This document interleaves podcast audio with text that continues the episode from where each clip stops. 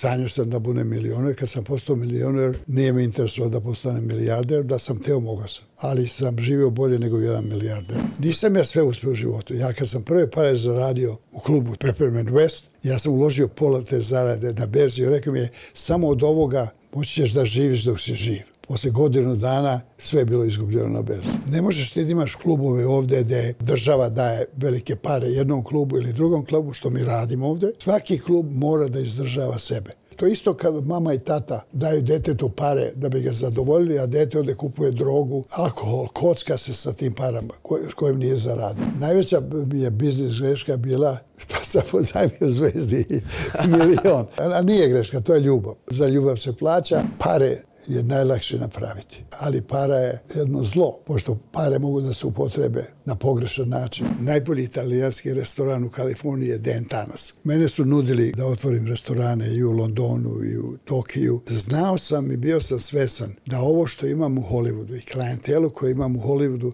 neću imati ni u jednom tom gradu. Imao sam čast da upoznam Tita 71. godine u u Hollywoodu, ime mi je već bilo Dentano. Pita me nekaj, gdje si ti naučio srpsku hrvatsku? Pa rekao, u Beogradu. U Beogradu? Ti si pobegao? Pobego, ja pobego. On me zagrlio, kaže, ne cigira se, i ja bi da sam bio na tvom mjestu. Potreban ti je poslovni račun u inostranstvu, Pionir ima rešenje za to. Bez obzira da li se nalaze u Americi, Aziji ili Evropi, klijenti ti veoma brzo jednostavno mogu platiti lokalnim bankovnim transferom i to u valuti koja njima odgovara. Zaboravi na beskrajnu papirologiju i brzu brzo online registraciju otvori račun u regionu gdje su i tvoji klijenti i to već danas. Radi globalno, plaćaj lokalno. Uz Pionir kreni kreni odmah. Registruj se preko linka koji se nalazi u opisu ove epizode. Naučite kako da programirate, kreirate sajtove, razvijate iOS i Android aplikacije i steknete znanje i veštine sa kojima možete startovati uspešnu IT karijeru. Kvalitetno stručno znanje, sertifikovana obuka, raznovrsnost kurseva samo su neki od razloga zašto je Quantox Akademija lider u svetu IT edukacije. Odaberite neke od 11 kurseva i obezbedite sebi znanje koje vam pruže širok spektar mogućnosti za različite IT poslove. Ukucite kupon Biznis Price na njihovom sajtu i obezbedite popust dobrodošlice. Link se nalazi u opisu ove epizode. Naš partner je i kompanija za kućnu dostavu Volt. Dok gledate epizodu, častite sebe nekom dobrom klopom. Napravite profil na aplikaciji ili sajtu i ostvarite 3 puta 200 dinara popusta za prve tri naručbine u skupom Biznis Price. Dakle, 600 dinara popusta u skupom Biznis Price. Link se nalazi u opisu ove epizode. Uživajte. Neko skaliranje, dalje, dalje neki ono level up. Hoćemo da krenemo to. Apsolutno, da, da. Učite iz grešaka. Biznis priče. Dobrodošli u najgledaniji biznis podcast u regionu. Ja sam vaš domaćin Vladimir Stanković. Danas imam tu čast da imamo najiskusnijeg gosta do sada. Legenda Hollywooda, producent filmski, glumac, vlasnik najpoznatijeg restorana u Hollywoodu, sportski radnik, vlasnik futbalskog kluba i legenda Dentana. Dobrodošli u biznis priče. Hvala Bogu da sam još uvijek živ.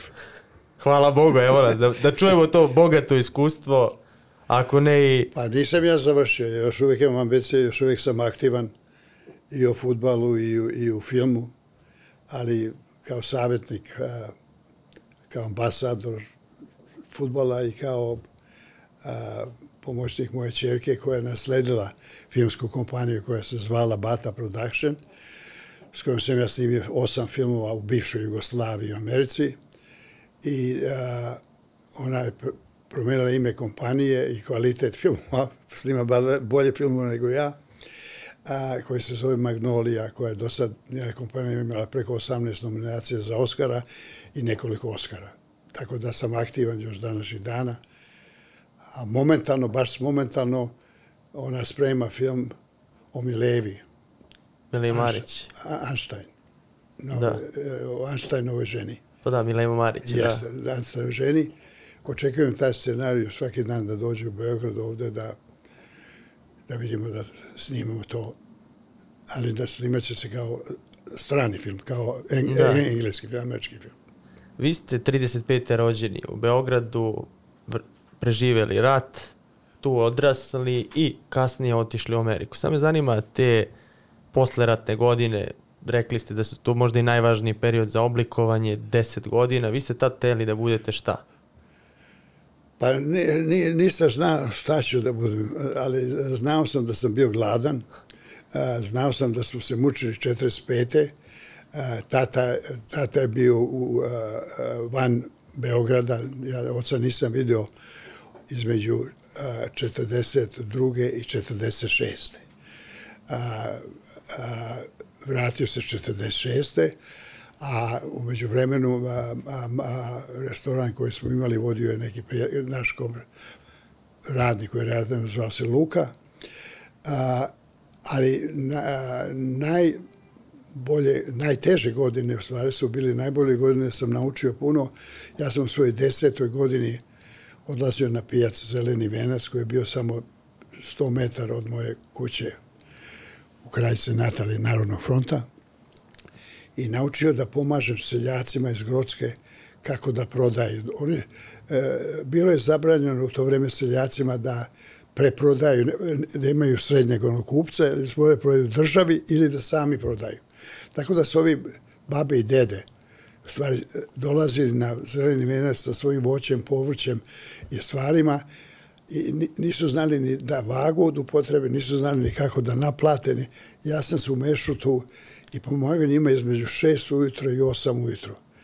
I mogu da kažem da sam tu zarađivao više, a uveče sam pomagao u tapkanju karata po bioskopima, tako da sam u to u svojoj 11. i 12. godini zarađivao više para nego moja mama koja je radila u nekoj fabrici u Zemunu.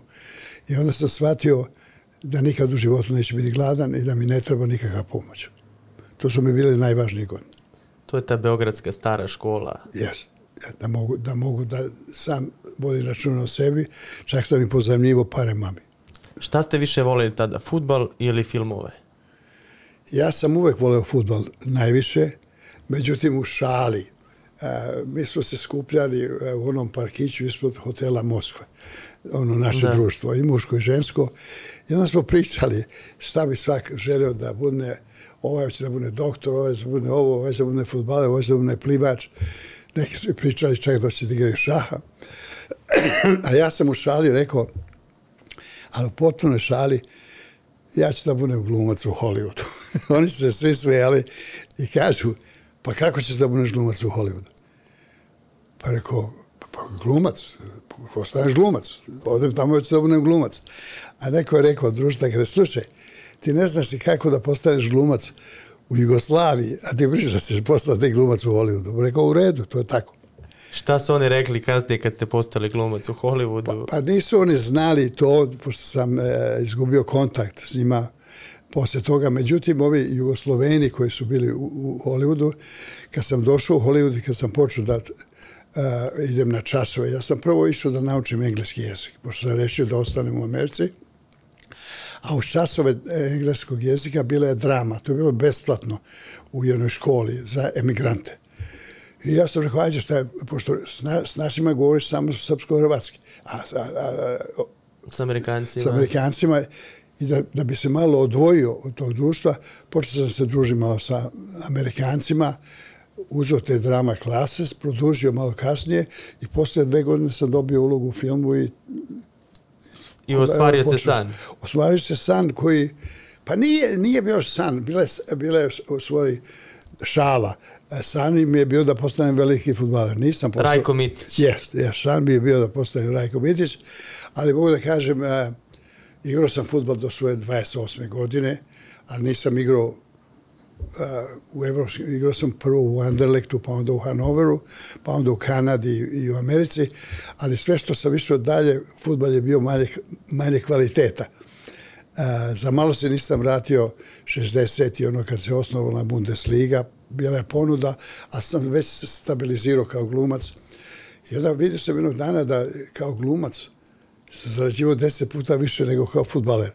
I onda sam shvatio da glumac mogu da budem do smrti, a futbaler mogu da dobijem do, do svoje 35. godine. I posvetio sam se filmskoj industriji. A kako ste otišli u Ameriku? Taj put je zanimljiv. Kako ste završili te, te, tamo? Ba, te, te, te, slučajan put. Ja nisam A mi svi smo mi sanjali da odemo na zapad. Gledali smo filmove ovde, Znate, gde su svi lepo obučeni, gde svi lepo žive, ono. Mi smo prve filmove za vreme rata gledali smo one švapske filmove. Pa onda došlo ono do 48. godine gledali smo one ruske filmove. A, svi napred, ubistva. bu- I odjednom, posle onog Titovog i Staljinovog nesporazuma, dođoše ti američki filmovi, francuski, engleski, i mi smo se onda vidjeli da, im, da postoji neki drugi svet. I počeli smo da sanjamo, a Hollywood je u to vreme bio najjači na planeti zemaljskog, svi smo se mi zaljubili u, u, u lepe žene i mesto heroje, i mesto krvav, vidjeli smo polj, da ima i poljubca, da ima i ljubavi. Jel? Tako da smo počeli da sanjamo o tim stvarima. A, dugačka je priča. Imamo ja, vremena. Ja, ja nisam planirao da pobegnem. Desilo se jedan incident u Briselu kad smo bili a, 52. godine za vreme leta. I e, sve što, da je ovaj e, komesar mene i, i dva igrača tamo rekao da nikad više neće izaći iz Jugoslavije. Ja sam plesao neki tango. Tamo dugačka je priča, ali a, kad sam se vratio sa to plesa tango, a znao sam da plešem, što sam naučio u Beogradu, komesar mi kaže, gdje si naučio taj burž, buržoa ples? Ja pojma nemam šta znači buržoa. Pa rekao, u Beogradu. E, kaže, ti više iz Beograda nećeš izaći.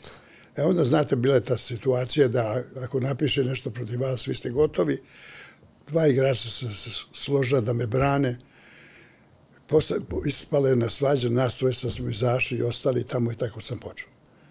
Na sreću moju, to je bilo u avgustu, u septembru je došla Zvezda da igra protiv septembru, oktobru, Zvezda došla prijateljsku utakmicu protiv Anderlekta. Ja sam da idem na utakmicu i kaže, ne, ne, ne možeš, kidnapovat će te.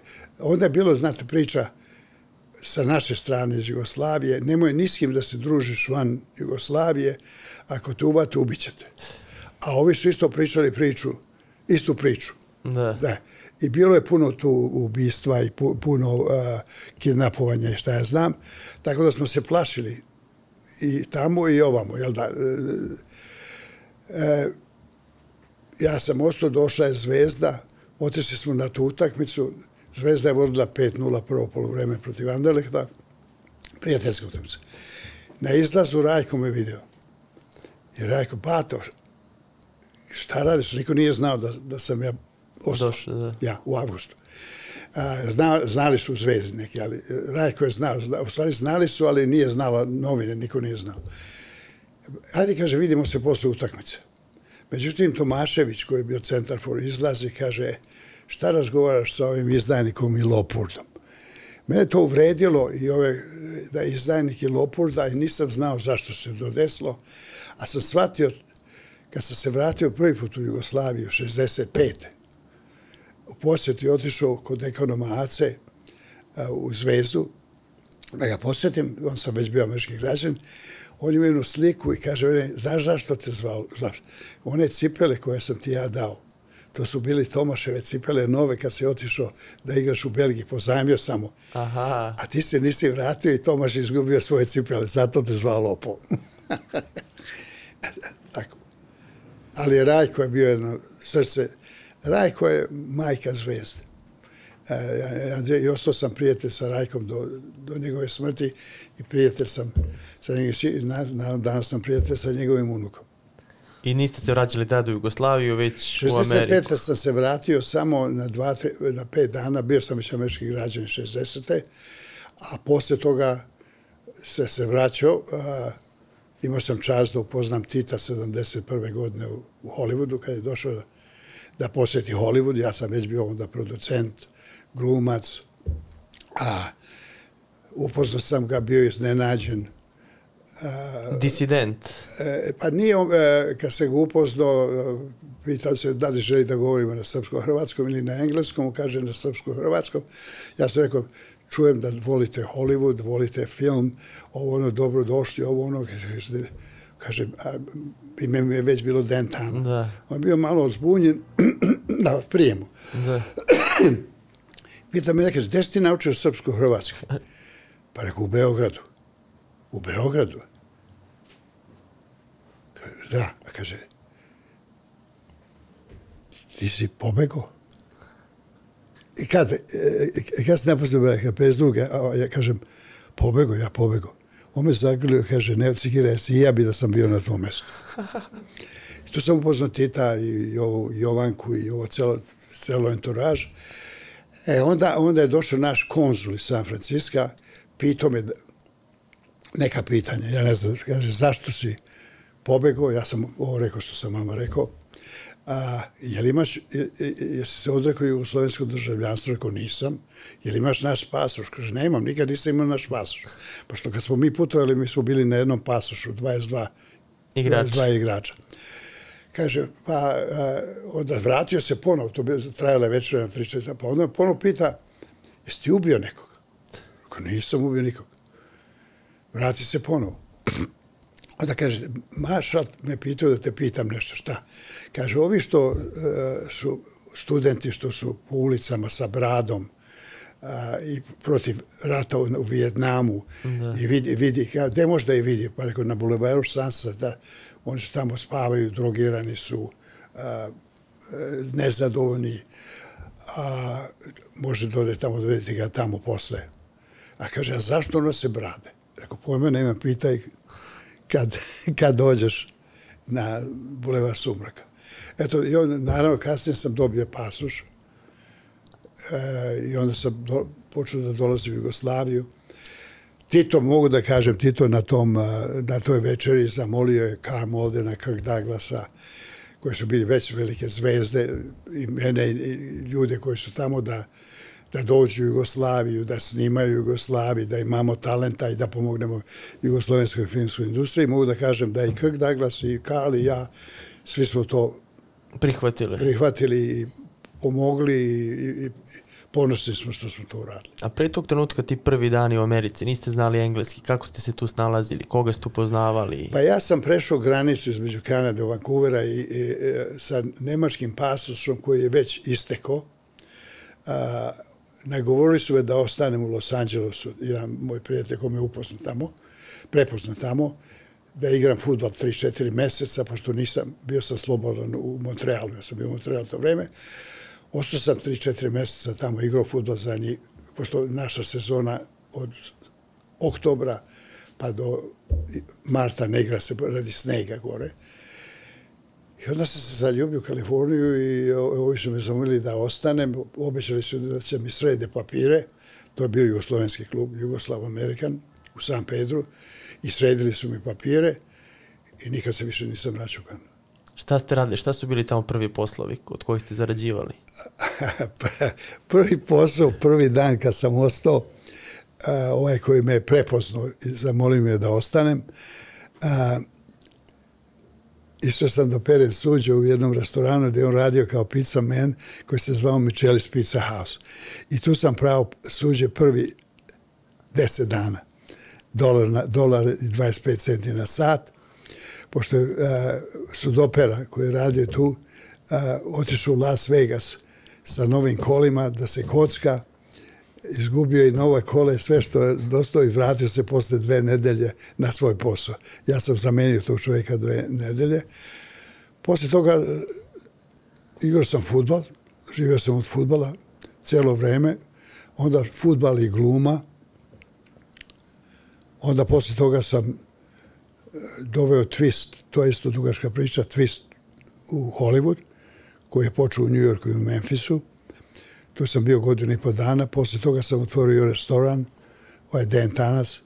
Doći ćemo i do njega. Ko je, ko, ko je bila, da, koja je bila prva uloga u filmu? Koju ste dobili u Hollywood? Prva uloga u filmu bila je na, na NBC, NBC, NBC, NBC tele, televiziji.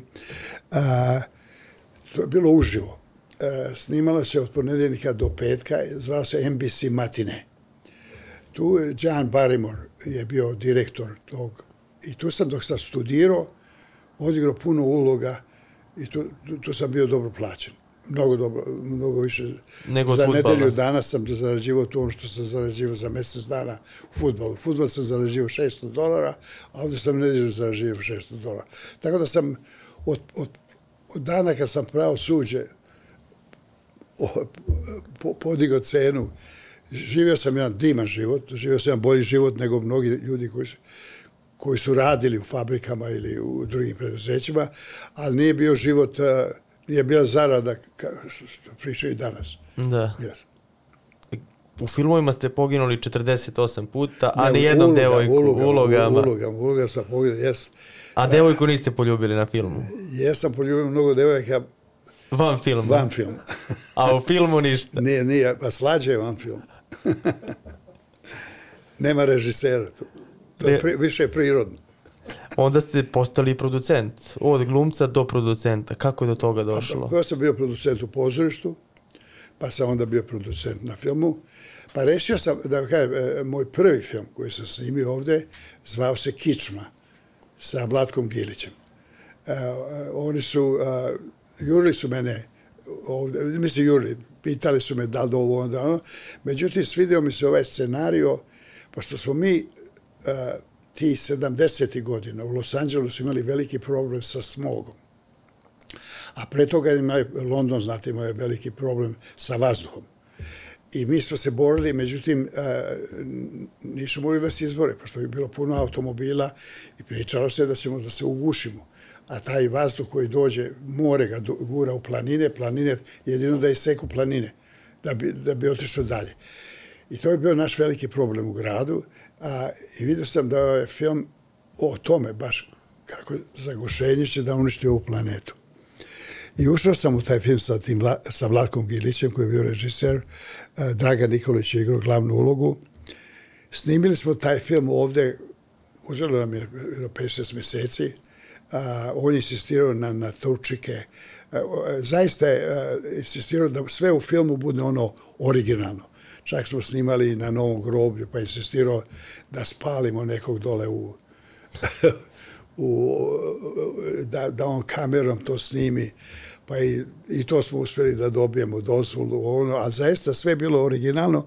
Međutim, kad je završio film, on je rekao da taj film ne trebamo muzika, da taj film je onako kao što je, a ja kažem, Blatko, ja sam imao pravo za zapad, ceo zapad, a, a, a, avala film za, za Jugoslaviju. Za Jugoslaviju istok.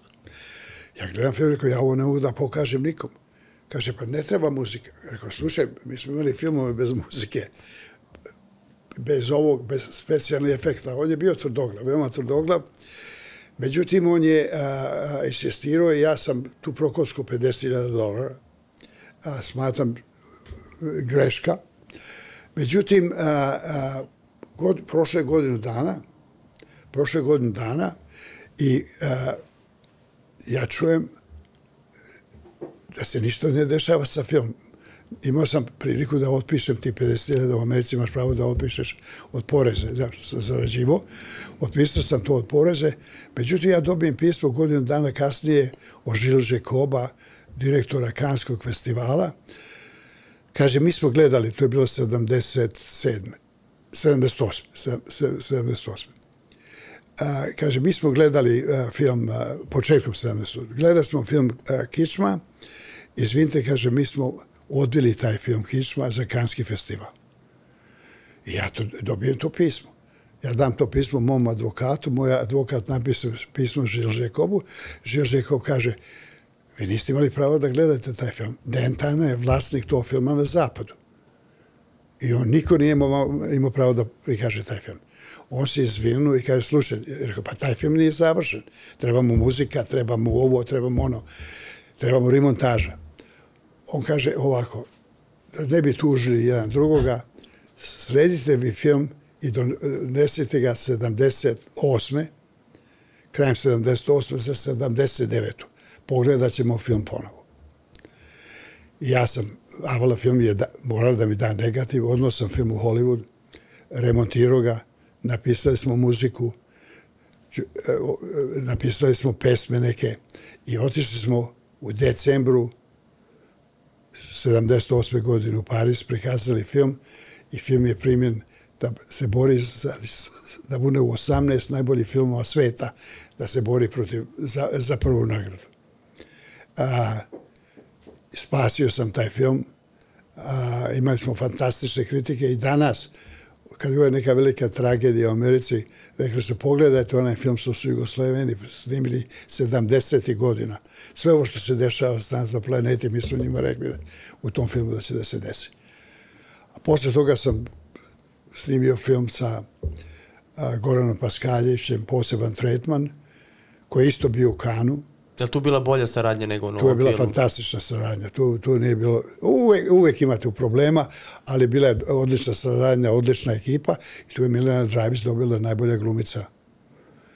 A mada smo bili, uh, Kirk Douglas je bio u žiriju, direktor žirija, bilo je deset članova žirija, a on je bio predstavnik žirija, rekao nam je da smo kandidati za najboljeg režisera, za najboljeg glumca i za najbolju glumicu. Međutim, imali smo člana žirija koji se zvao Veljko Buleć, koji je glasao protiv svih naših filmova. Ozbiljno. I da, da je on glasao za nas, a bilo je veoma, veoma blizu, mesto Mišela Pikolija, Ljubo Tadić bi bio najbolji glumac, mesto a, ovog Poljaka, ne znam, ne znam, Goran Paskaljić bi dobio ulogu kao kao e, režiser, a Milena uspjela da dobije kao najbolja glumica. A što on glasao protiv? On je glasao protiv, ja sam ga e, našao, pošto sam rekao mi je Kirk Douglas, ja sam ga našao u Carlton hotelu i rekao, slušaj, zašto glasao, za, kako glasaš protiv naš, ko ti je to rekao? Ja sam izvedio one cedurice koje su mi dali i kažem, evo ti, tvoje ime na svim ceduricama, zašto si glasao? To je bilo pa, dva dana pred finale on kaže, nikad neću glasati za Gorana Paskaljevića, pošto je on glasao protiv mene u Nišu, ne nekom festivalu u Nišu. A kaže, a za Ljubu Tadića nikad on neće, e, nikad nijedan režiser neće moći da ga kontroliše. E, u nas e, postaće veliki glumac, neće, neće, znaš ovo ono. Ali glasuje za Milan Dravić. Samo za nju je glas. Samo za nju, tako da eto od producenta, kupili ste kasnije restoran, rekli ste, to jest vaša majka je bila za to da nikad ne uđete u taj biznis i vi u no, Hollywoodu. Ja sam pre toga, prvo sam u noćni klub, Peppermint West, pa onda Dentanas restoran, pa smo onda formirali profesionalnu ligu. Prvo, 67. godine, prvu profesionalnu ligu u Americi, Bill Cox, Bill Catre, ja. New York, Chicago, Los Angeles, formirali su prvu ligu. Odveo sam 49 igrača iz bivše Jugoslavije u Ameriku. Odveli smo doktoracu Obradovića, koji je bio moj najveći prijatelj i savjetnik, sam bio mladić, Ivu Toplaka, koji su vodili klub u San Francisku. I prva, prva godina prve profesionalne lige u istoriji Americi pobedio Clippers – koji je vodi Aco Bradović i Ivo Toplak. Tako da su Srbi i srpski igrači, većinom i zvezde, uzeli prvo prvenstvo Amerike u profesionalnom futbalu 1967. godine protiv Baltimora. Svaka čast. A to je sve teklo, da. A poslije toga je došao Brentford. Pa, Doći ćemo i do, do Brentforda, ja. to je zanimljiva priča. Zanima me sad restoran po kome ste tamo i najpoznati napravili, najpoznati restoran. Kako pa, ste ušli u taj biznis? Za dolar, moja dva, tako? Ne, ne, moja dva ortaka koje su bile u futbolu, oba Irca i oba milionera. Jedan je bio vlasnik Los Angeles Ramsa, futbolsk kluba, Dan Reeves, a drugi Dan Martin je bio under secretary of commerce za vreme Kennedy-a. Posle ubistva Kennedy-a on se vrat uh, iz Vašiktona, došao, naselio se u Los Angeles, kupio deo Ramsa i oni su bili moji ortaci u Los Angeles Torosu tom, tom, tom klubu. Oni su kupili taj restoran koji se zvao Ringer, koji je bio ne, odmah do moje kancelarije. Evo, kao ova kancelarija vaša ovdje ovaj uh, McDonald's. Tačno tolika eh, razlika. I su ove, ove kancelarije su meni rekli, slušaj, kupili smo ovaj restoran Ringer od ove de, žene i ovog njenog prijatelja. Ti si tu, ajde vodimo, i, i, imaš i restoran i klub, imaš vremena. Rekao, ja to neću. Međutim, njihovi advokati su rekli njima da ne mogu ni da imaju restoran i bar, pošto tu možda dođe neka prostitutkinja, možda se desi ovo, možda se desi ono, a oni s obzirom da su imali veliko ime i u sportu i u politici, bila bi sramota da se piše u novinama to. I oni su mene zamolili da preuzmem tu obavezu koja je koštala 30.000 dolara. To znači treba smo stavimo po 10.000 svaki. Ja nisam imao drugi choice, pošto su oni stavljali 3 miliona, ja nisam imao ovaj milion da stavim, uh, a oni su stavljali jednu trećinu za mene u franchise, pošto sam ja imao franchise za Los Angeles i 100 km oko Los Angelesa. Morao sam da pristanem na to, dogovorio sam se ovima da kupim restoran, rekao sam 1 dolar dole i 10.000 godišnje na tri godine, da mogu da se izvučem ako ne ide. Desilo se da posle godinu i pa dana dve postane najpopularniji restoran na svetu. Šta se tu desilo? Kako je to postalo? Pa e, imao se sreću da je ovaj Clarence Dan Martin imao šefa. On, on kad je ostavio Washington, imao je dva kuvara u Washingtonu, kad je bio under. Jedan je bio italijan, jedan je bio kinez. On je doveo te kuvare u, u uh, Bel Air. Bel Air je deo Beverly Hillsa, veoma e, poznat i bogat. I odlazili smo kod njega jednom nedeljno na ručak, na vikend. Jednom je bila kineska hrana, sljedeći put je bila hrana ovog e, italijana. I kad se dešavalo ovo sa restoranom Italijan, koji je bio zarobljen a, 45. godine i, i doveden u Ameriku da... od On je bio Mussolinijev kuvar, je li tako? Pa on je bio Mussolini, a onda General Clark. General Clark koji je komandovao oslobođenje Italije. On je njega zarobio i doveo ga u Ameriku. Zarobio, da, doveo njega kao robijaša, doveo ga kao kuvara, jel da? Kad je završio svoju karijeru, nasledila ga familija Martin, a onda kad, kad sam ja bio tamo, on je već bio kraj za penziju, bio spreman da se vrati u Firence. Iz Firenze on bio došao. Interesantan e, čovjek, imao je četiri sestre koje su bile profesori i doktori, a on je izabrao da postane kuvar i bio je, a, a, fa, familije je bilo sramota da je on izabrao da bude kuvar, jedini muškarac u familiji. Međutim, kad je poslao Mussolini je šef, on i kad Mussolini dođe u Firencu, nije on putovao s njim stan, on je kao kuo za njega ono, onda je dobio to ime, onda naravno u Americi za General Clarka, za familiju Martin. I on mi je, e, kad me pita, rekao, šta, šta, koga, kakav restoran, pošto je bio američki restoran, šta da otvorim? A ovaj kaže, pa evo ti ovi dvojica, ili kineski ili italijanski. Ja kažem, pa bo- bolje da mi pomogne sa italijanskih. Tako da je Michele mene e, napravio prvi jelovnik i tako je postao italijanski restoran. I to je, učili ste da kažem godinu i po dana dok se nije desio jedan preokret. Pa u redu, je, doš, došao je, e, bila je na večera, to je isto dugačka priča, došao je, bilo je šest njih koji su došli, popi, a, a, popili su piće za barom i odlazili u bioskop. I onda ja sam rekao ovom šefu, u stvari nije, Mi- Mikele već otišao, Mate je bio tu. e, koji- Pomoćnik ma, on je postao šef. Bio pomoćnik, sad je postao šef. Rekao, Mate, daj po jednu onu pečurku, malo, da stavi na bar. A Mate kaže, gazda, nemamo para, nemoj da baci samo pare. Rekao, ba daj mi. I Mate je to uradio, dao svakom po jednu pečušku. Oni su pitali njega, ne ovoga, barmena, jel imate vi hranu? Imamo, pokazali su mi jelovnik. Jeste otvoreni? Kaže, posle 9 sati. Evo, otvorili smo do ponoći. Kaže, mi idemo u bioskop, pa kad se vratimo iz bioskopa, doćemo na večer. Došli su na večer u njih šest i potrošili preko 100 dolara, što su bile velike pare u to vreme, oko 140 dolara. Obično se, ljudi su trošili po 3 dolara po osobi. A, probali sve i ja pitam, ko su te ljudi? Platili su mi kiriju, pola kirije za, za šest osoba. Pa ne znamo koja. Međutim, mjesec dana posle toga izašao je članak u Los Angeles Timesu, ona je nedeljna Kolumna. kolumba i kaže e, de, e, iznenađenje dana. Najbolji italijanski restoran u Kaliforniji je Den Tanas. Od tog dana do današnjeg dana mi serviramo preko 200 večera, a odbijemo 250 večera. To je 60, go- 48 godina. Koliko se red 58 čeka? godina. Koliko se čeka za Pa rezervaciju? sve rezervacije. Rezervacija, a neki bu možeš da zoveš za rezervaciju dva, tri dana ranije, ali imamo mi jednu klijentelu koja je tamo t- tri, četiri puta nedeljno. A, ali a, a, klijentela je sportski, sportska, I mean, Lakers, Rams, a, bokseri, glumci, a, do, advokati, sirotinja. Ne, ne, nema, mi smo jedna kao privatni klub, a nema članarine.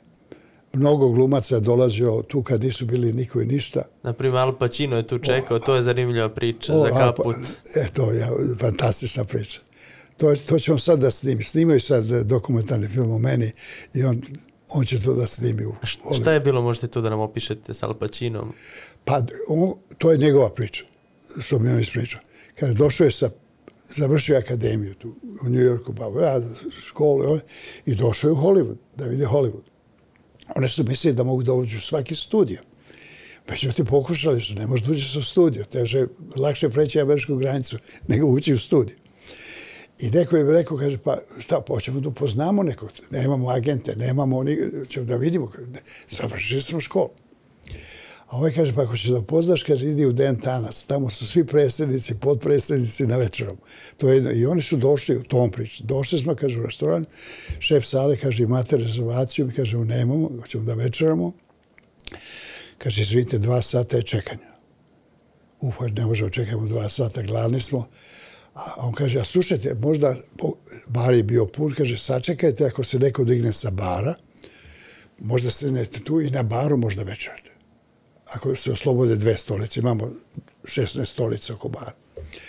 I oni su stajali tamo, poručili dva Martinija i stajali pored, nisu imali mjesto. Međutim, prišla je jedna dama sa dijamantima oko vrata i dala jednu cedulju Alpučinu. I Alpučino gleda tu cedulju i ka, da, da kaže on svom prijatelju, "I- i šta je ovo? Kaže, daj da vidim. U, kaže, ja mislim to je to za kaput. Znaš, da. kaput iz garderobe.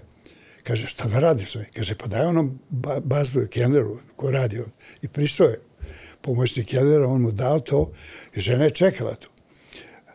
Bazbo je dono to, dao je kaput, to ono, i žena dala Al Pacino 10 dolara. Pacino drži 10 dolara, ovaj njegov prijatelj kaže, šta da radim sad? Kaže, pa plati za dva Martina. kaže, je tako. Evo, kaže, evo, kaže, imamo budućnost u Hollywoodu. To, to su prve pare koje je Prve zaradio. pare smo već zaradili 10 dolara. Kroz, taj, kroz restoran vaš nema ko nije prošao Pa, od Hollywooda, ima- političara, glumaca, Pa i sportista. ubica, i lopova, i, i imali su s- s- svašta i svačega.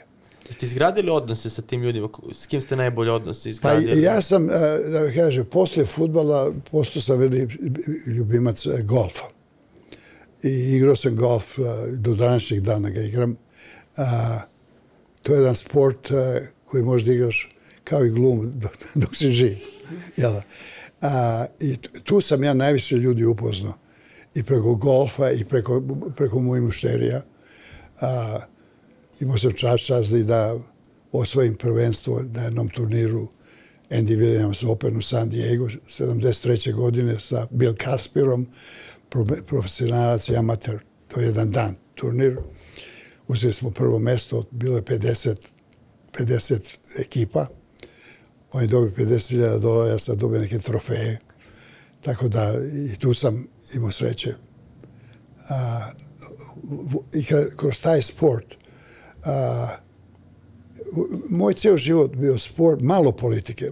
Najvi, najmanje sam se bavio politikom. E to politikom u Americi, je li tako? Samo politikom u Americi. Nikad se nisam bavio politikom nigdje na svetu. To je bila kampanja za Kennedy, je li tako? Jeste, a to je bilo 60. godina. 60 pre nego što je sto predsjednik. Šta ste radili tada? Pa išao sam, uh, upoznao sam uh, Kennedy-a, Bobby Kennedy-a i uh, zeta ovoga Peter Lawforda koji je bio glumac, koji je dolazio da me gleda da igram futbol. Tako sam i upo, upoznao njih. Uh, I onda su oni pred, on je već bio nominovan za za predsjednika, a onda je bilo ono, znate, Da. od o, avgusta, septembra, sad borba za glasanje, jel da? Onda su oni e, čuli da sam ja Jugosloven, da sam Srbin, on, kažu, angažovali su da idem po, od San Francisca do San Diego vikendom, da idem u srpske crkve i da kažem da nešto o Kennedy. Što su mi oni napisali. Ja sam išao u te crkve, kad god sam viko rekao, mi- na mene, kaki katolik, nikad ne ga nećemo glasati. Ja sam posle mjesec dana dao report rekao, imat ćete problem sa Srbima, e, neće da glasuje za katolika. I, i bila istina, znaš šta, ni, ni, nisu naši te da glasuju, ali pobedio. Mogu da kažem da žao mi je što on nastradio, ja mislim da bi Amerika danas bila potpuno druga Amerika da je Kennedy ostao predsjednik. Ali ja mislim da Amerike je bio strah da ako on ostane, on će biti osam godina, a posle toga bit će njegov brat, a posle toga bit će njegov sin. Ja mislim da niko njega nije, Rusija nema nikakve veze s tim, niko njega iz Rusije nije likvidirao, on je likvidiran od Amerikanaca. Nažalost. To, to priča, baš to što, to što ste spomenuli tada iz te perspektive nije bilo moguće, to jest nije bilo popularno da on bude katolik, žena, ono što ste pričali sa Karl Maldelom. Pa ja kad sam došao u Ameriku prvi 5-6 meseci, bio sam na jednom ručku i Edward J. Robinson, glumac, jedan koji je bio rumunskog porekla, ali veliki desničar. I ovi su rekli, evo, ovo je došao dečko iz Jugoslavije, Karl Moldova, a on kaže, kaže njemu da je došao u najbolju zemlju na svetu. Zašto?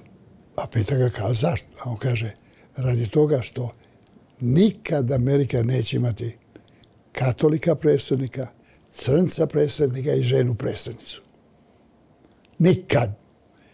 Međutim, pre smrti Kale, ja sam to potpuno zaboravio, jedno par godina pre smrti, Obama je postao predsjednik. I mene kaže, kao, podsjetio me, inače ja, ja sam zaboravio to. Kaže, Dan, sećaš se šta je Edward J. Robinson rekao?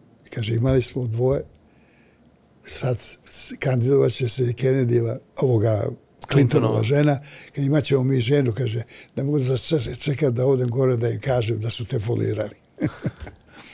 E, jeste imali tamo kontakta sa našom imigracijom? Veoma malo. Ja se politikom nisam bavio a, i nije bila naša a, migracija tamo jaka. Mislim, srpska. Da tamo bio Pop Đujić? Jes, bili sam, to je bilo, e, to je bilo ništa, a mi na, u, u crkvi, naravno, a, u crkvama našim, jedina slika koja je bila slika Draže Mihajlovića. Nije bila nikad slika kralja ili te stvari. Draža Mihajlovića radi toga što su Amerikanci bili zahvalni što su nešto naši uradili ovdje spašavanje nekih pilota, to je ostalo tamo a, kao ponos Srba koji su koji su živjeli u tim, cr, e, u tim naseljima i tim crkvama. A, Nije, nismo mi imali nikakvu ozbiljnu politiku, mada su Hrvati imali veoma jaku politiku.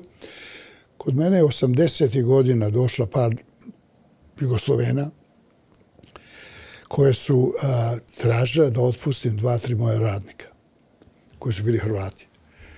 A, kod, većina je bilo Jugoslovena, Italijana, kod mene Meksikanaca. Imao sam 36 radnika.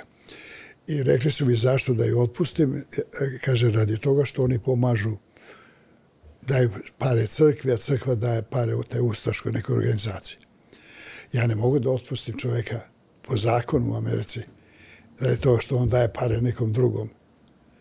A, a ta organizacija nije proglašena kao teroristička organizacija u Americi. Tako da e, ja, ja sam to ignorisao i nisam, nisam htio da je otpustim, ali mogu da kažem jednu stvar. Jednog dana, to je bilo kad je Reagan bio predsjednik, a došao je kod mene ovaj moj barmen koji je bio ponosan Hrvat. A, I kaže meni, gazda, kaže, hoću samo da znaš na, na stalu čet, a, ove 14 muž i žena i dva, dva, dva sina. Hoću samo da znaš da je to Artuković. A znaš ko je bio Artuković? To znači Hrvat mi je rekao. A u našem jelovniku piše da imamo pravo da ne poslužimo nekoga ako mislimo da nije dobro, dobro došao taj restoran, to piše na jelovniku. Rekao, šta da radim?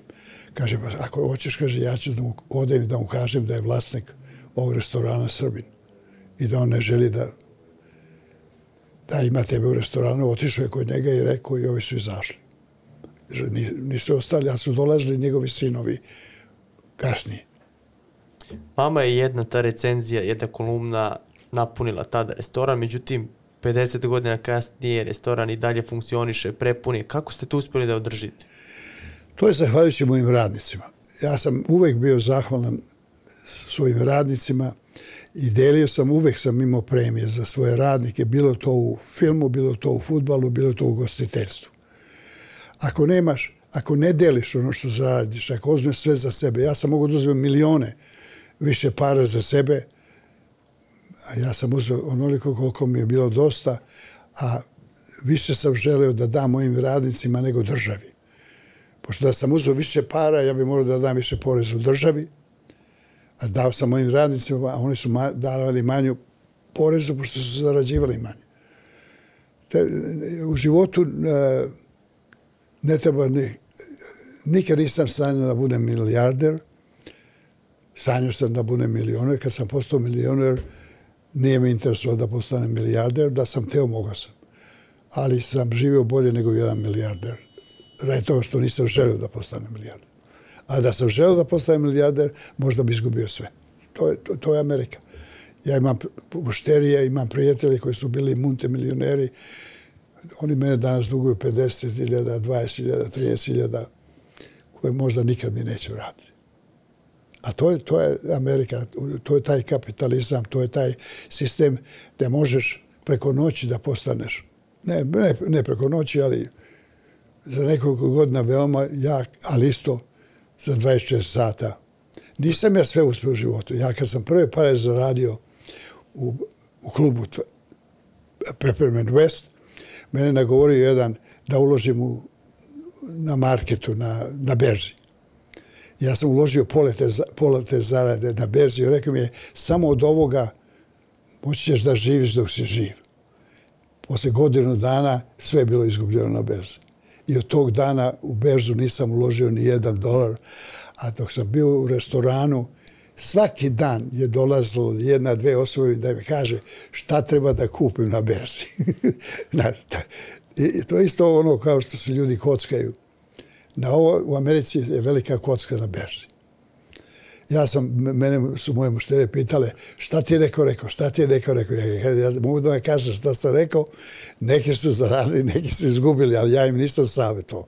Ja sam samo, ali nisam nikad kupio ni jednu akciju posle toga. Imali ste dojavu jednom za trke konja, to je zanimljiva priča.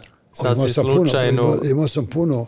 Kad ste dobili ceduljicu u restoranu. A ne, ne, to je bilo, uh, to je bilo 1889. 1900, ja sam aha. već bio imućan u to vreme. Uh, A, ali e, e, a, većina radnika u gostiteljstvu u Americi zarađuje velike pare na bakš. Oni pola para odnesu kući, a pola upotrebe da bi zaradili još više. Neki se kockaju, neki jure ženske, neki piju, znate, razne stvari. A sam imao pa, nekoliko radnika koji svaki dan idu na konjske trke. Kad je, u stvari, od utornika do nedelje. Ponedjeljkom i utorkom e, nisu te trke. Ja sam otišao par puta na te trke s njima. Imao sam Ami Jerry Boss, koji je vlasnik Lakersa, njegov sin je imao konje, pa smo išli na trke skupa. Čak i jedan moj mušterija, ne, e, jednom konju je dao ime Dentana, otišao sam na trk, trke, on je platio 150.000 za to konja, kao bio je velike, veoma potencijal, pobedio prvu truku, posle toga slomio nogu i više nije trčao, nažalost. Tako da ima konje koji se zvao Dentana. A ovo što ti pričaš, što ja sam otišao, dugačka je priča, me, ću kratko, a idemo, kaže Martin Luther King, proglasio Martin Luther Kinga za nacionalni praznik 13. 14. Jan, eh, januara. I ovi su organizovali trku u ponedeljak. Bio je ponedeljak, a to je bio naša nova godina. U, da. Pošto tamo 13. ovde 14. Jel? I on kaže, ajde idemo, kaže, e, na trke ovi moji dvojice. Dana, kaže, ovog puta prvi put ima devet trka i ako pobedite devet trka, za dva dolara milion dolara garanciju. Ja kažem ovim mojima, pa idete na trke, ne možete jednog da pobediš, Kako ćeš devet da pobediš? Pa gazda, nikad ne znaš, sreća. I otišli na trke. Ja sam zamolio sekretaricu da ode u banku, da mi uzme neke pare. Kaže, banka je zatvorena, pošto je praznik. Ponedljak ovoga Martin Luther King. Skupili smo 1200 dolara. Ja sam otišao sa 1200 dolara, pošto skladi se 100 dolara na svaku trku, ono, a ovi moji su naravno otišli sa 100 dolara. Dao sam njima 200 dolara da naprave kombinaciju, Oni su stavili po 10 dolara, ja, ja 200 dolara da naprave kombinaciju uh, za ti devet trka. E, I dok su oni trčali tamo na prozor, ja sam otišao u klub da, da uzmem sto, astal, da, da ručamo. Međutim, upoznali su me sa tri čoveka tamo koje su stajala. Jedan imao šešir, kaže, ovo je Jimmy šešir, a ova druga dvojica, ne, ne, ja ne znam ko su. A mi, i ovi kaže me, slušaj, je li imaš 900 dolara? Ja imam hiljadu i... 200. Ne, dao sam 200. Imam hiljadu i sto. Hiljadu nešto. Slušaj, imam hiljadu. Kaže, slušaj, mi, mi smo profesionalci. Mi, mi, mi smo, imamo, kaže, ovaj tiket, ali da bi bili sigurni imaju, ima deset konja, oni su stavili pet konja, pa dva konja, pa pet, pa četiri, pa on. Kaže, ima ovaj tiket koji košta 3800. 9, 8, 3600. Ja, 3600. Ali ovaj četvrti nije došao. Sad imamo samo 2000, 2700. Fali nam 900 da bi, popuni, da bi kupili ovaj tiket. Jel imaš 900? Ja im dam 900 dolara. I odu nestanu. 62.000 gledalaca bilo na trkama. Ja, vrate se ovi moji, ja ispričam što sam tebe ispričao. Šta si ti uradio? Pa zašto si im dao 900 dolara? Pa rekao, pitali su me. Pa to su lopovi, bre, oni, im, oni imaju deset etiketa. Donese ti tiket koji, koji uopšte, ti pojma nema šta se uradi. Pa zašto ste upoznali s njima? Pa nismo ti rekli da, da im daš 900 dolara. Anyway, prođe prva trka, druga trka, treća trka, ja sam ostao bez para. Ostao bez para. Četvrta trka, a rekao, ajde idemo kući. Ovo je jedan od mojih radi, kaže, imam ja kredit kartu, može u mašini da uzme 300 dolara. Rekao, ajde, uzmi 300 dolara, da izgubim još 300 dolara, izgubi 300 dolara. Međutim, ovaj sa šeširom udari me u rame. Kaže, gospodine Tana, da nismo uzeli vaši 900 dolara, mi bi već ispali u prvoj i drugoj i trećoj trci, pošto su trebali da izbrišu neke konje. Ti si dete sreće. Moji partneri kažu, daj njemu taj tiket da drži u džepu, to nam je možda jedina šansa. ja, ja sam držao taj tiket u džepu i mi smo dobili milion 250 hiljada. Ja sam za 900 dolara u roku 4 sata dobio 250 hiljada. To je rekord svetski u Americi do današnjeg dana. A ništa nisam uradio, samo sam dao 900 dolara. Obacili ste u džep, kako ne? Jes.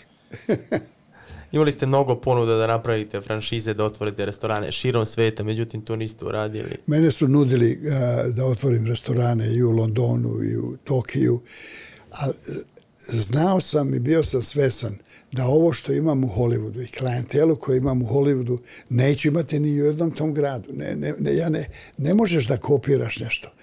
E, ovo je bilo originalno i ne, e, mušterije kod mene sportisti, kao što sam rekao, glumci, mafijaši, uh, prostitutkinje, sve što, sve, što, sve što je prošlo kroz taj restoran, a kad su u tom restoranu, svi su se slagali, niko se nije niko tuko, niko se... Tako da, a, mi smo jedan privatan klub bez članske karte, ali ne, može, ne, ne možeš da uđeš, ono je malo mesto, mi imamo samo 80 mesta za, za sedenje, jel da? I, i 16 stolica za barom. Ali radimo od, od 5 do, do 2 bez... E sad, moje mušterije, kad bi moje prve mušterije one između 5 i 7, vidjeli one mušterije između 11 i 2, niti bi ovi došli, niti bi ovi došli. Hvala Bogu da se ne vide. Ja sam imao situaciju da je Lou Wasserman, koji je bio vlasnik Universal studija, zove eh, njegova sekretarica jednog dana i kaže, Mr. Wasserman je bio u restoranu 5. maja, ali bio jednom. Dobio je tri računa. Pošto mi smo sve isto ono, eh, ovi potpišu pa im pošalješ račun jedno mesečno. Ja kažem, ajde izvadi, taj, izvadi taj, tu kovertu gde su ti, možda moraš da čuvaš te čekove. Ja vidim, jeste, on je bio između sedam 6 i 8, a njegova čerka je bila između 9 i 11, a unuk je bio između 11 i 2. Tako da su bili svi troje tu. I svi na račun kuće. Je, svi na, svi na račun Universal Studio.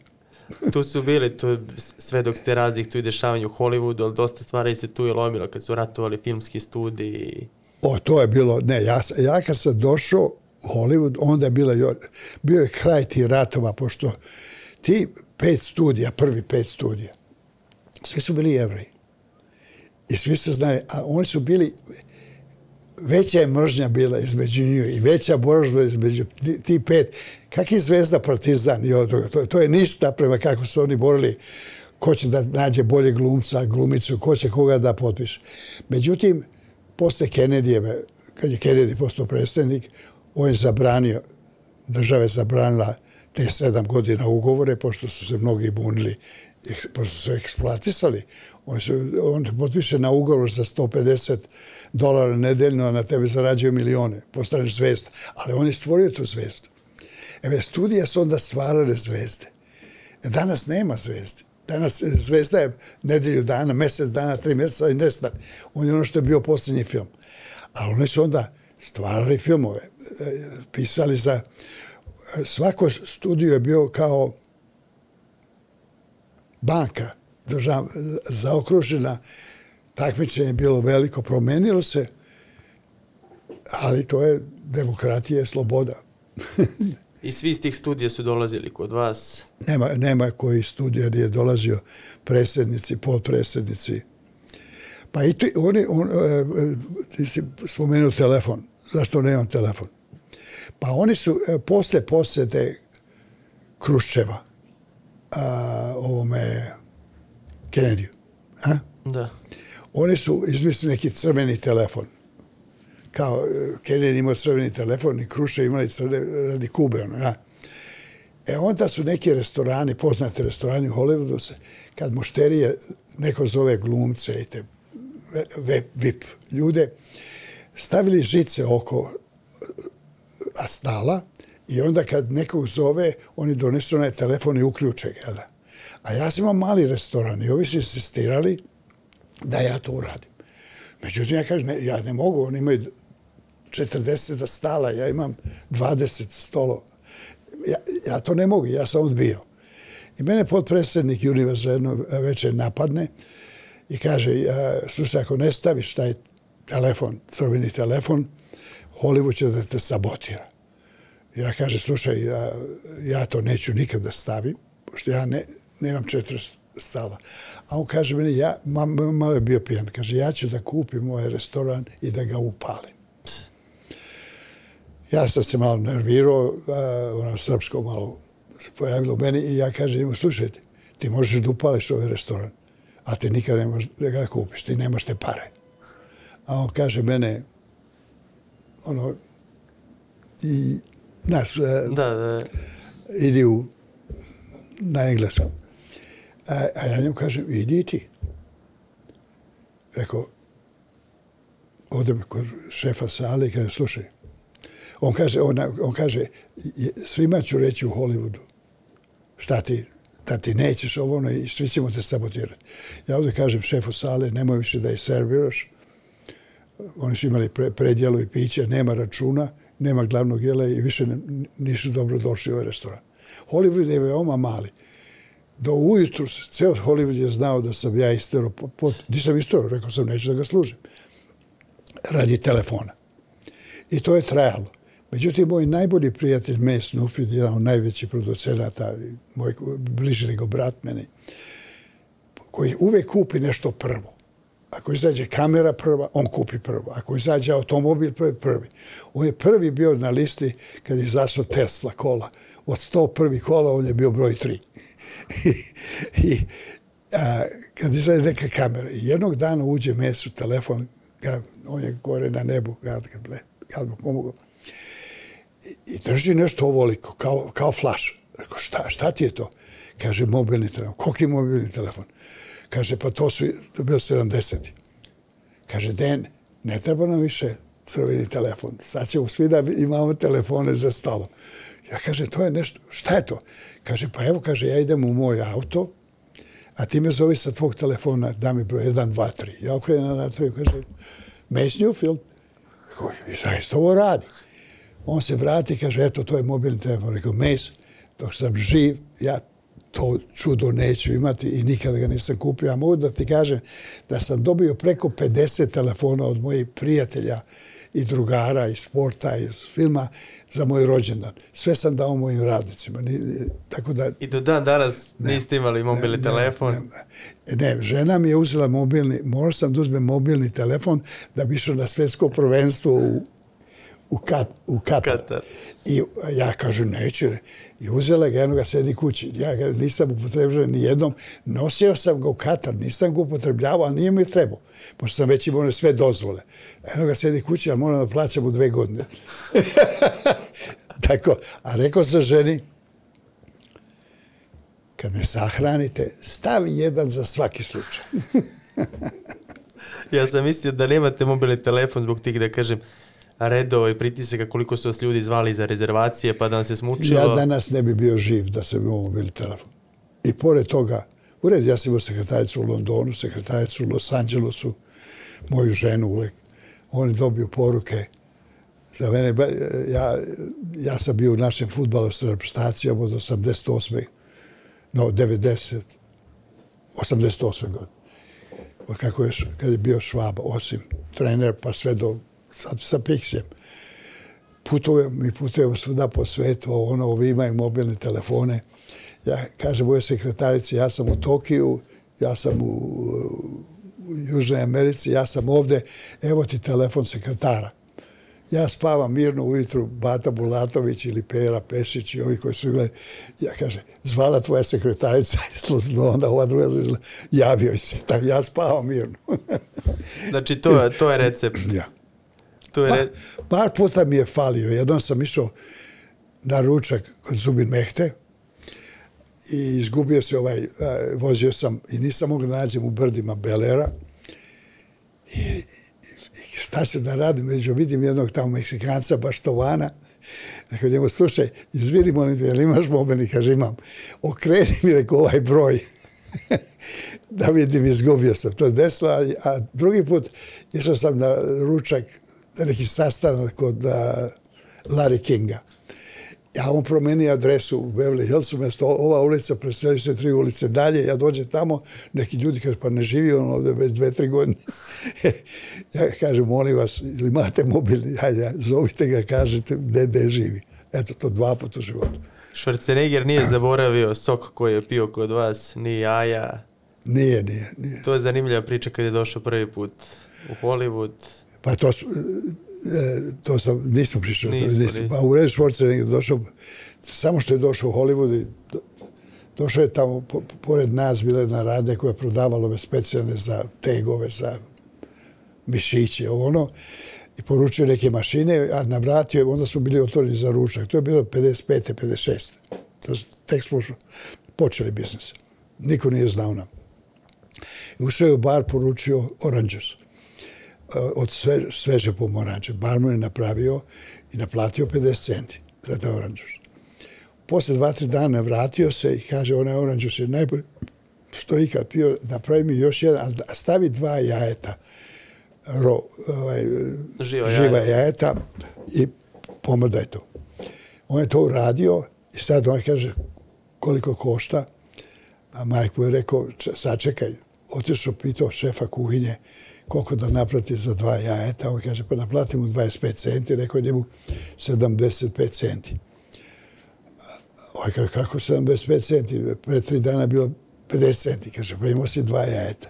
E, kaže, ok, ostavio dolar, izašao i kaže, to nije fair, bio je kao ljut. I dalje on glumio ili nije glumio. A, i, i nismo ga vidjeli kasnije je postao mušterija i pričao to, međutim je postao guverner Kalifornije. Jedno večer bio na večer sa društvom i došao je kod barmena i kaže Majka, a svi su znali Majka, kaže, seća se pre, kad sam ja došao u Ameriku, pa kaže, je, seća se. Pa, ona je oranđus sa dva eta 75 centi. Ma kaže, seća se. Kaže, vidiš, ti si još uvijek barmen. Kaže, ja sam guverner Kalifornije. A posle toga je on otvorio restoran Schwarzis i mene je zamolio par godina posle toga. To je bilo pregovor. Ne, ja.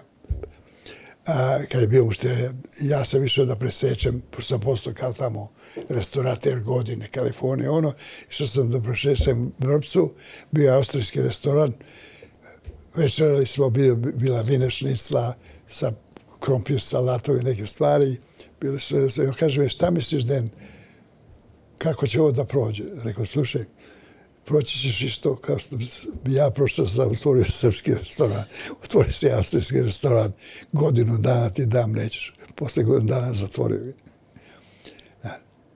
Nije se proslavio Nije se proslavio, ja. I sad, bili ste vlasnik i futbalskog kluba u Engleskoj. Kako je do toga došlo? Zaljubljenik u futbal. Sasvim slučajno ste dobili tu ponudu za... Pa to je dugačka priča, ali ovaj, a, dugačka priča. To imamo vremena. Ok. A u redu, e, upoznao sam, jer, e, mi smo igrali futbal vikendom u High Parku. I tu je bio i Bobby Moore i a, Frank Blunstone i Jimmy, Jimmy Hill i mnogi bivši igrači a, e, klubova u Londonu. A, I svake nedelje smo igrali u High Park oko 10, od 10 do 12 futbala, onda išli u pub na Fulham Roadu, obukli se u trenerke, ovo ono, i onda išli kući, okupali se i radili ono što sa familijom. A, I tu sam upustao Frank Blastona, koji e, me odveo, ja sam odlazio na Chelsea, Arsenal, utakmice, a on kaže, molim te, morate odvedem ovaj klub. Brentford, ko, kome treba spas. On me odveo taj klub, Brentford, a, preko navijača postao sam direktor, akcionar kluba i predsjednik kluba. Bio sam predsjednik 10 godina, ko vlasnik 20 godina. Spasili smo klub od bankrotstva.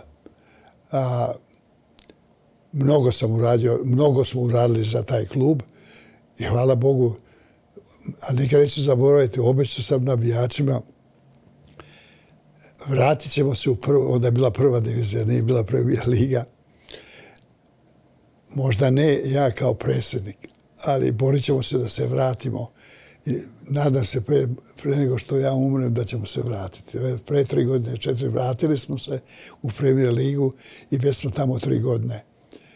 I mogu da kažem, ponosan sam, klub se vodi na način na koji sam ja, kao jedna mal, family, klub familije, eh, klub Komšiluka, što je zapadni deo Londona, Brentford, Ealing, taj deo. Eh, A, ponosan sam na eh, novog vlasnika koji, koji je zaista uložio velike pare i vratio klub.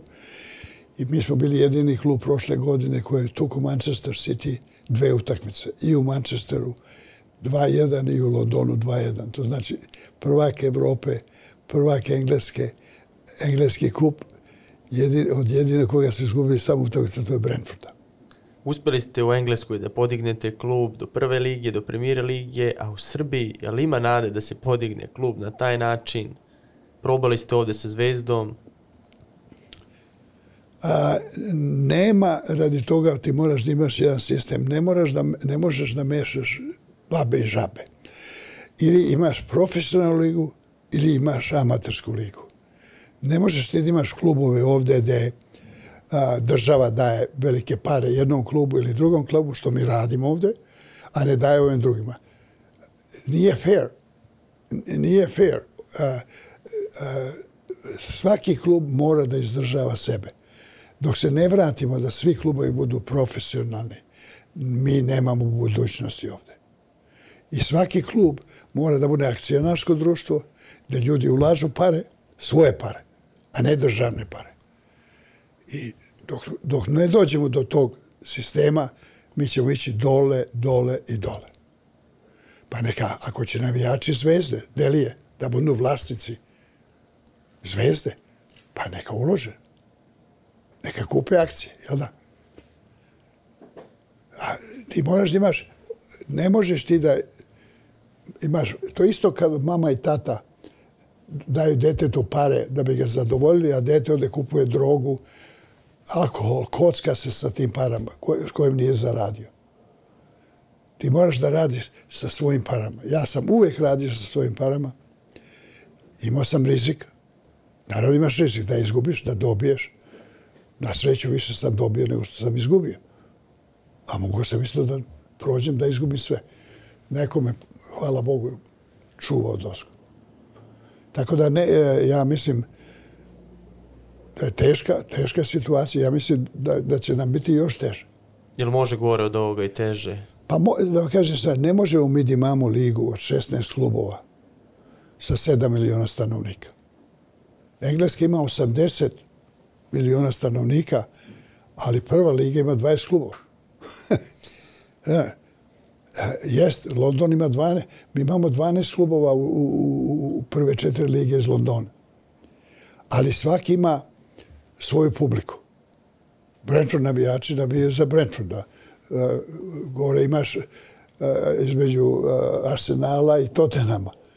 To su, to, to su sve iste ljudi, ali vatreni navijači za jedan klub i za drugi klub. Ali cela Engleska navija za Englesku. E to, to, to, to smo mi izgubili. Gde je to samo sloga Srbina spašava? Mi mora da se ujedinimo, da svi navijamo za Srbiju, za reprezentaciju, pa onda da navijamo za klubove. A ne da navijaš za klubove, da je klub važniji nego reprezentacija. Ne, ne, ne može. U Engleskoj je navijači Arsenala i navijači svi za njih Engleska broj jedan. Nema veze da li igra iko iz e, Tottenhama, da li igra neko iz ovog kluba, da li ima ovog kluba. A kod nas je važnija ta klubska karijera. Pa e, mi to gajimo a, i a, godinama. A, I dok se to ne pro, mora da se promeni. A mi pogledaj, pogledaj sad, odigrali smo koliko, preko 20 utakmica, naš, naši pet kluba je odigrao preko 20 utakmica u Ligi Evrope, Champions League. Jedna pobjeda i dva nerešena rezultata. Od preko 20 utakmica. Pa treba da otvoriš oči. Ne možemo mi da imamo ligu od 16 klubova. A Škotska je veća nego mi. Pa ima, pa ima samo osam klubova ili šta ja znam u ligi. Mi maksimalno, ova liga, 10 klubova, maksimalno 12. To, to prvo. Jedna druga stvar, mora da ulažu. Ne, ne, ne, treba, ne treba da budu privatne pare. Neka bude telekom vlasnik vlasnik zvezde ili, ili, ili neko drugi, jel da? Ali ne može, ne može ovaj sistem da koji radi, to je samo bacanje para. Vi ste tu probali godinu dana, ste bili, nasledili toplicu. Pa u red, ja sam bio godinu dana tamo i vidio sam šta se dešava. Mi smo godinu dana nismo zadužili, zadužili zvezdu ni jedan dolar. A sam ja pozajmio oko milion dolara, a Jugović je pozajmio oko 400.000 toplica. E, svi su, svi su pozajmili pare u upravnom odboru da zvezda ne bi... I mi smo posle godinu dana napustili, ali nismo zadužili zvezdu ni za jedan dolar. A pare koje smo pozajmili zvezde bile su bez kamate, bez da ćemo ikada da tužimo zvezdu. Ako zvezda ikad ima ta pare da nam vrati, to znači mi smo na neki način i polupoklonili te pare. Onda je interes bio 10% na te pare, kad smo mi davali te pare. e, to znači nismo da, ja sam dao blizu milion, taj milion bi danas vredio 5 miliona, šta ja znam. Da. Ali u, nismo zadužili zvezdu, ni jednog dolara. E onda je došao sistem gdje su zadužili zvezdu 10, 20, 30, više. Pa sad, sad ne znam, čujem da, da, su, da su figure, ne znam, ne znam šta je, ali čujem da su figure velike. E, privatizacija, privatizacija, privatizacija. I da se to vodi kao biznis, a ne kao... Pa mora, pošto, slušaj, nema besplatnih karata u, e, u Americi i u Engleskoj. Ja kad sam bio kovlasnik i predstavnik, ja sam imao četiri karte. Za mene, ženu i dvoje, dve čerke u, u VIP loži. Svaku kartu koga sam pozvao, ja sam morao da kupim kartu za gosta. Kao vlasnik. Pošto tamo ima zakon, svaka karta mora da se plati poreza. Nema besplatnih karata. Ja sam, mi smo imali situaciju, sam bio, to sam da kažem, sam jedini u, u istoriji koji ne, ne, nije British, bio sam šest godina u izvršnom komitetu Engleskog futbolskog saveza sa jugoslovenskim pasošom i sa američkim pasošom, što je protiv zakona tamo. Ali su mi izabrali londonski klubovi, ovi 27 londonskih klubova, profesionalni i poluprofesionalni, bio sam njihov predstavnik šest, šest godina. A, u to vreme a, ja sam zakazao par utakmica Jugoslavija sa posle sankcija, ono 96. ja 94. u stvari.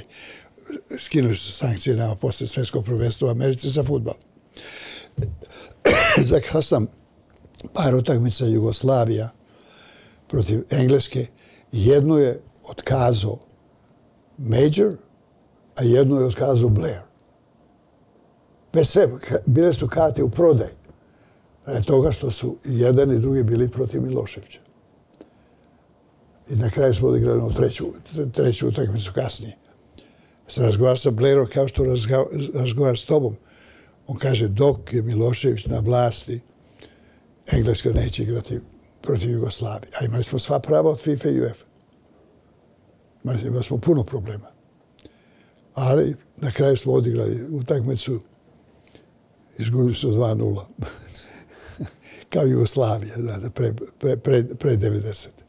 Čovjek ste sa velikim svetskim kontaktima, mnogo jakim. Su tražili ljudi ovde ili saveza ili iz klubova da pomognete s tim kontaktima, da se nešto pomogne ili ne, ne, to nije zanimalo? Ne, ne, mene su doveli ovde. Bile su molili da dođem uh, 88.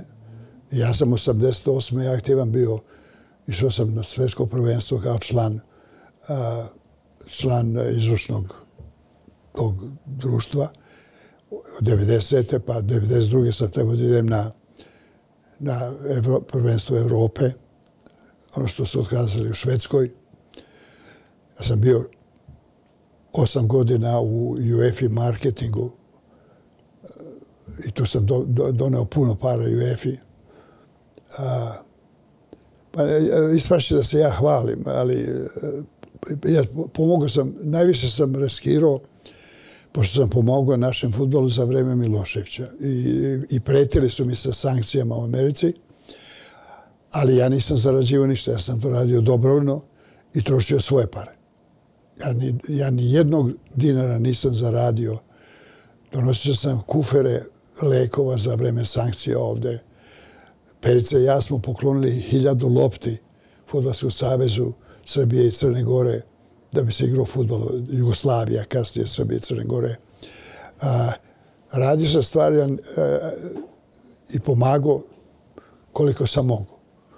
A, branio sam sve naše i reprezentaciju i igrače u FIFA i u UEFA kad su imali probleme. Pošto sam imao kontakte.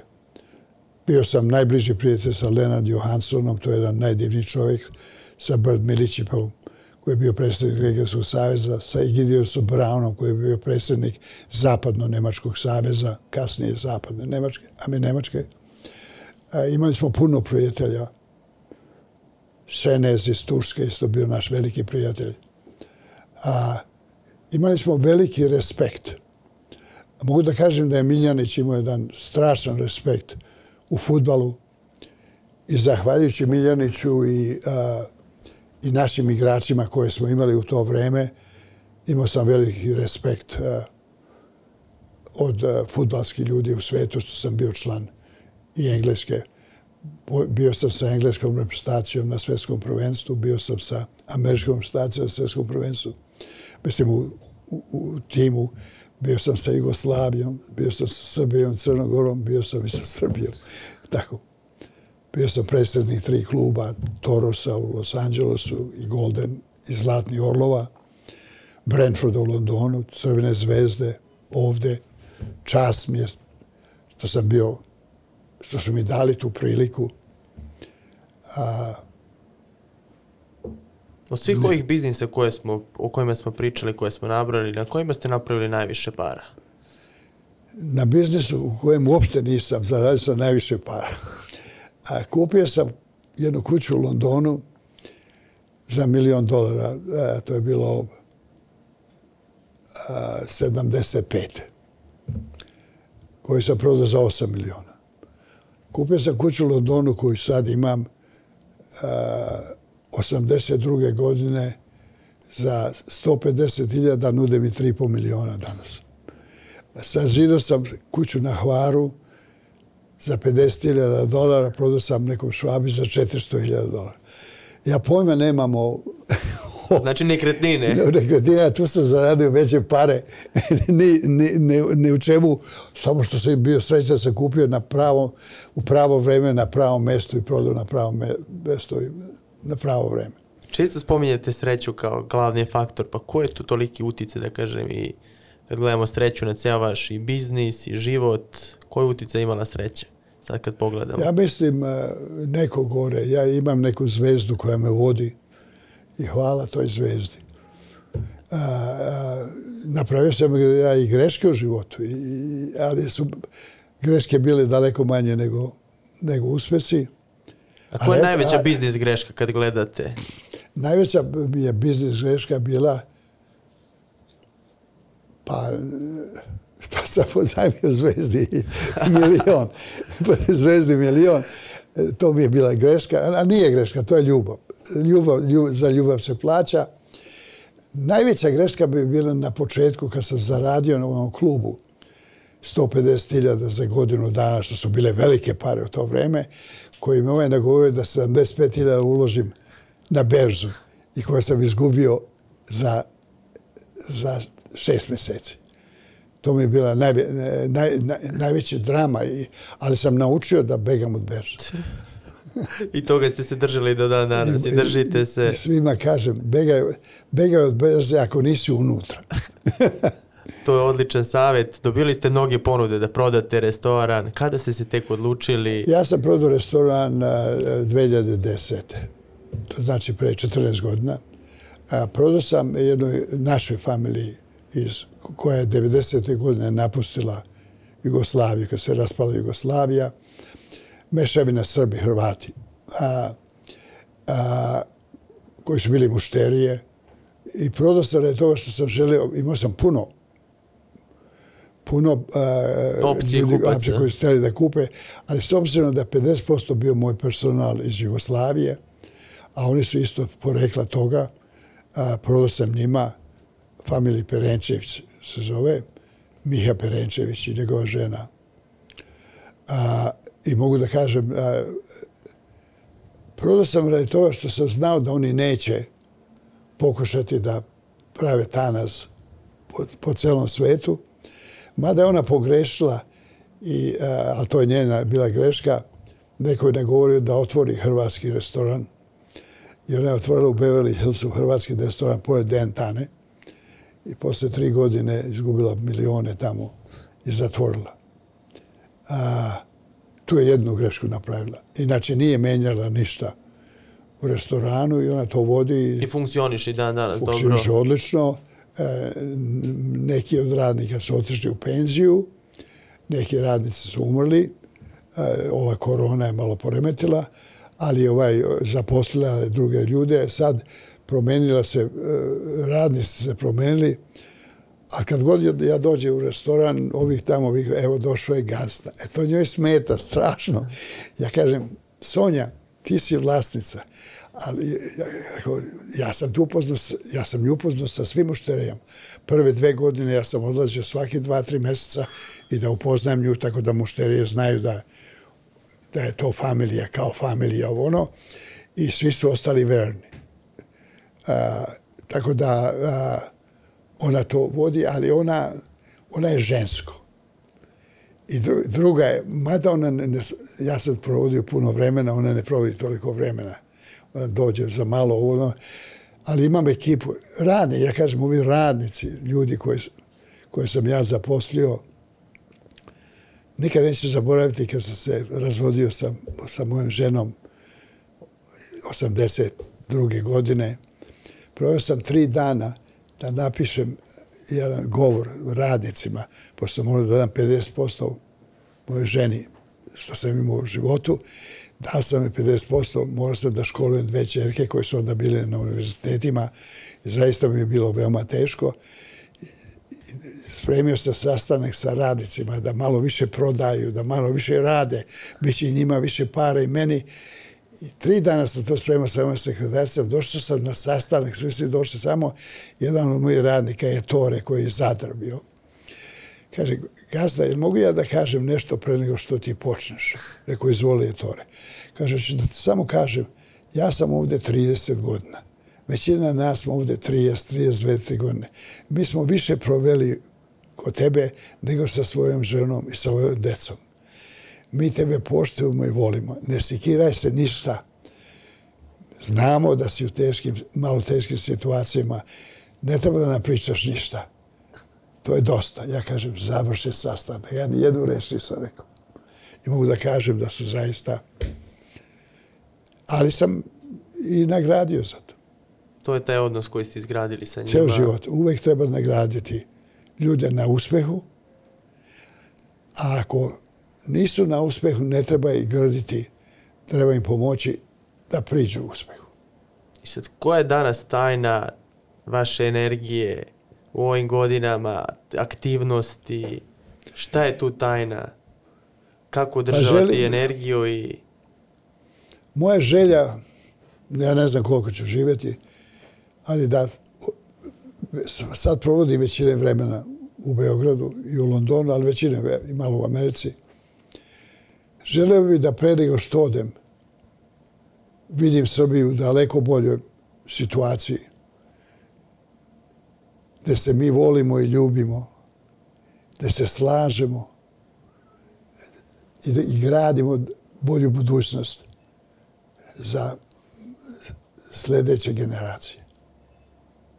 To je najvažnije. E, I da pare je najlakše napraviti. Pare jedna veli, ali para je je neka, jedna zlo, jedno, jedno zlo. Pošto pare mogu da se upotrebe na pogrešan način. I da poštemo, ja mislim, znate, e, ne sviđa mi se kod nas ovde kad počnu da pričaju on je išao u školu, on je završio ovo, on je ovo. Izvinite, molim se, najuspešniji ljudi na svetu i najbogatiji ljudi na svetu nikad nisu, ne, neki nemaju, nisu znali ni da čitaju ni da pišu. Postali su bogati. Moja majka koja je imala četiri razreda osnovne škole bila je inteligentnija nego jedan profesor univerziteta. Želim da vidim Srbiju uspešnu, demokratiju, ali pravu demokratiju, da se volimo, da se poštujemo, a, da naši mladi ljudi, kad uđeš u autobus, dignu se i kažu izvoli sedni starijoj osobi ili dami. A, ja sam to naučio. Mene to, mene mama izvukla uši da se ja nisam digao u autobus ili tramvaju i da nisam pomogao nekom ili neko šeta ulicom pa vidim da se pati, ja priđem i jel ti treba pomoć. E, to, to, to, smo, to mi imamo, a smo izgubili. Zašto smo izgubili, ja ne znam. Ali ajde vratite se, so, samo sloga Srbina spašava. I ono što ste rekli u Americi kad ste otišli, kad ste vidjeli da navijete za druge da uspeju. Pa slušajte, Kennedy je rekao najbolju reč. I to sam upamtio. U, uradi šta možeš za svoju zemlju prvo pre nego što uradi za samog sebe. Ja, e, ja mislim da bi sva, ajde, ajde neka svaki građani posadi jedno drvo na svoj rođendan. Jedno drvo ne ide. Ne, ne, ne. Srbija će biti najzelenija zemlja na planeti. Nego svaki od nas posadi jedno drvo. Ja sam posadio preko dve, pomogao da se posadi 3000 stabala na Međice. Tamo su posekli 5000 stabala za vreme sankcija. U redu trebalo ljudima drvo i te stvari. Nijedno nisu se sidali. Mi smo posljednji pre šest godina posadili preko 3000 stabala. Ja sad odem na Adu Međicu i pogledam to su, to su već 3000. I svake godine dosađuju te stvari. Ima puno stvari e, što možemo mi da uradimo ovde. A, ako vidite rupu na ulici, eh, na trotoaru vozite kola, pa prijavite nekom. Eh, ima, ima sto načina kako možeš da postaneš bolji, bolji, bolji građani svoje zemlje. Ajde da postanemo bolji građani. Ajde, ajde da se ne svađamo. Ajde da se šalimo. Ajde, ajde da, da, da poštujemo policajca. Da poštujemo sud. Ali da bi to uradili, mora da imamo pravi sud i pravog policajca. Ja? Začarani krug.